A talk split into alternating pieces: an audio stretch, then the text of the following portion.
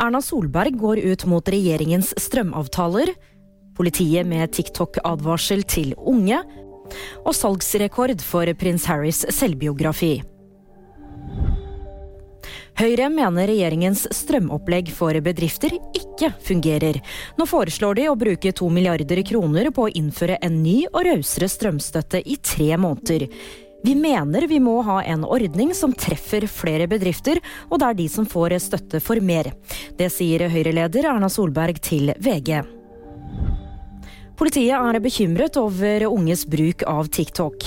Politiets nettpatrulje har nemlig lagt merke til at flere unge velger å legge ut videoer om bl.a. rus og psykiske utfordringer.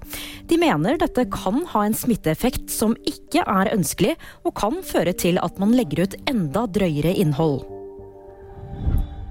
Og prins Harrys selvbiografi Spare har solgt over 400 000 eksemplarer på utgivelsesdagen. Dermed er det den raskest selgende sakprosaboken noensinne, ifølge utgiveren. Boken som inneholder en rekke private detaljer om livet til prinsen og resten av det britiske kongehuset, har allerede skapt store kontroverser. Det var VG nyheter, og de fikk du av meg, Julie Trond.